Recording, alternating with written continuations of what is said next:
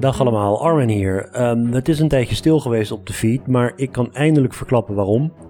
Mijn uh, goede vriend uh, en collega Tom van der Meer en ik werken namelijk aan een podcastreeks over de verkiezingen. En dat doen we niet alleen, maar in samenwerking met de correspondent.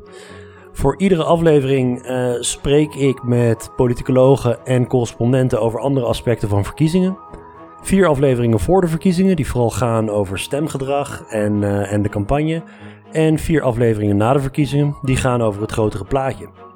Het is ontzettend leuk en spannend om dit uh, met de correspondent te doen. We schrijven de afleveringen samen met uh, Rosanne Smits en Anne Vossers.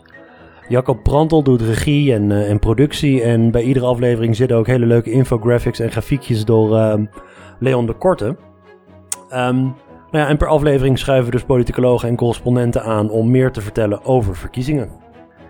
Uh, oh, de naam. Um, de podcast heet. Tromgeroffel. Stemmen. Een verkiezingspodcast zonder peilingen. Want uh, waarom zou je moeilijk doen als het ook makkelijk kan? Aanstaande dinsdag plaatsen we de eerste aflevering. En uh, die kunnen jullie gewoon luisteren via de podcastfeed van de correspondent. Maar ik plaats hem ook in onze eigen feed voor degene die dat, uh, die dat willen. Aanstaande dinsdag dus een nieuwe podcast. Een samenwerking van de correspondent en Stuk Rood Vlees.